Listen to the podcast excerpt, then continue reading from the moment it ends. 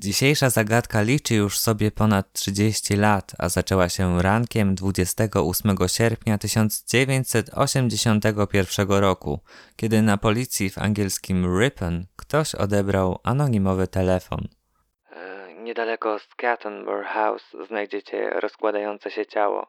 Po drugiej stronie odezwał się mężczyzna, który zgłosił, że w krzakach w pobliżu Saturn Bank zobaczył czyjeś ciało, podał policji dokładne wskazówki co do lokalizacji i słuch o nim zaginął. Gdy policja dotarła na miejsce zdarzenia w Parku Narodowym North York Moors, odkryto kobiece szczątki. Po dokładniejszych badaniach stwierdzono, że należały one do kobiety w wieku między 38 a 40 lat – nie dało się stwierdzić przyczyny jej zgonu. Wykazano natomiast, że najprawdopodobniej nie żyła już od roku lub dwóch lat, a w czasie swojego życia urodziła od jednego do trojga dzieci. Osobą przydzieloną do sprawy został detektyw Carter, który po przeczytaniu artykułu o udanej rekonstrukcji twarzy egipskiej mumii skontaktował się z Departamentem Ilustracji Medycznych na Uniwersytecie w Manchesterze, na podstawie czaszki eksperci stworzyli realistyczną woskową głowę. Policja zaczęła podejrzewać, że kobietą mogła być Irlandka Gerardine Crowley, która odbywała wyrok w pobliskim więzieniu. Uciekła z niego w 1979 roku. Fizycznie pasowała do opisu ofiary i było wiadomo, że miała dzieci. Kiedy policja publicznie ogłosiła swoją teorię, ukrywająca się Gerardine wysłała do detektywa Cartera notatkę z podpisem oraz kilkoma odciskami palców, życząc mu powodzenia w śledztwie. Ten trop pozwolił dowieść, że Gerardine żyje, ale nigdy nie została złapana.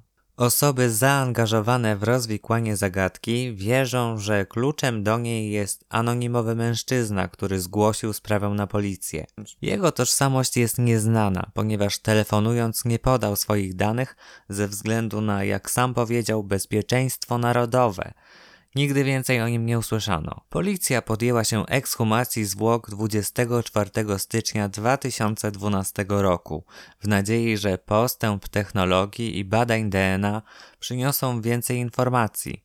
Szczątki zabrano z cmentarza o godzinie 11 rano do kostnicy, aby pobrać próbki z kości udowej i zębów. Dalsze badania wykazały, że kobieta miała krótkie ciemne włosy, pięć stóp i dwa cale wzrostu oraz stare złamanie prawej kostki.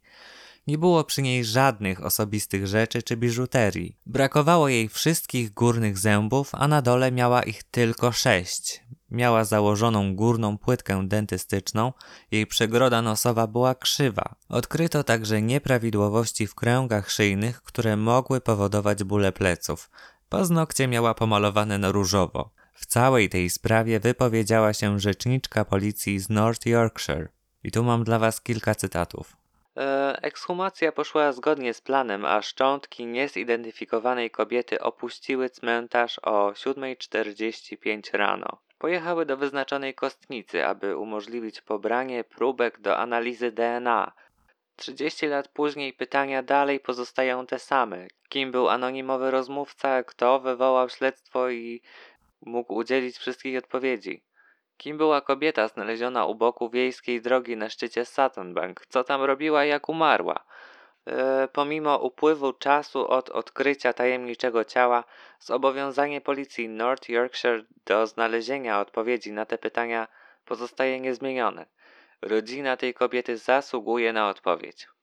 Dochodzenie było tak dokładne, że udało się namierzyć aż 164 kobiety, które zostały zgłoszone jako zaginione. W tej sprawie snuto różne teorie. Zamordowana mogła być prostytutką albo cyganką, chociaż kto by ją chciał, skoro nie miała zębów. Nad wyjaśnieniem zagadki przez pierwsze półtora roku pracowało aż 20 osób. Mimo wielu badań i poszukiwań, tożsamość kobiety od woskowej głowy po już prawie 40 latach dalej pozostaje niewyjaśniona. Na Wasze własne teorie na temat tej sprawy czekam w komentarzach. Do usłyszenia następnym razem.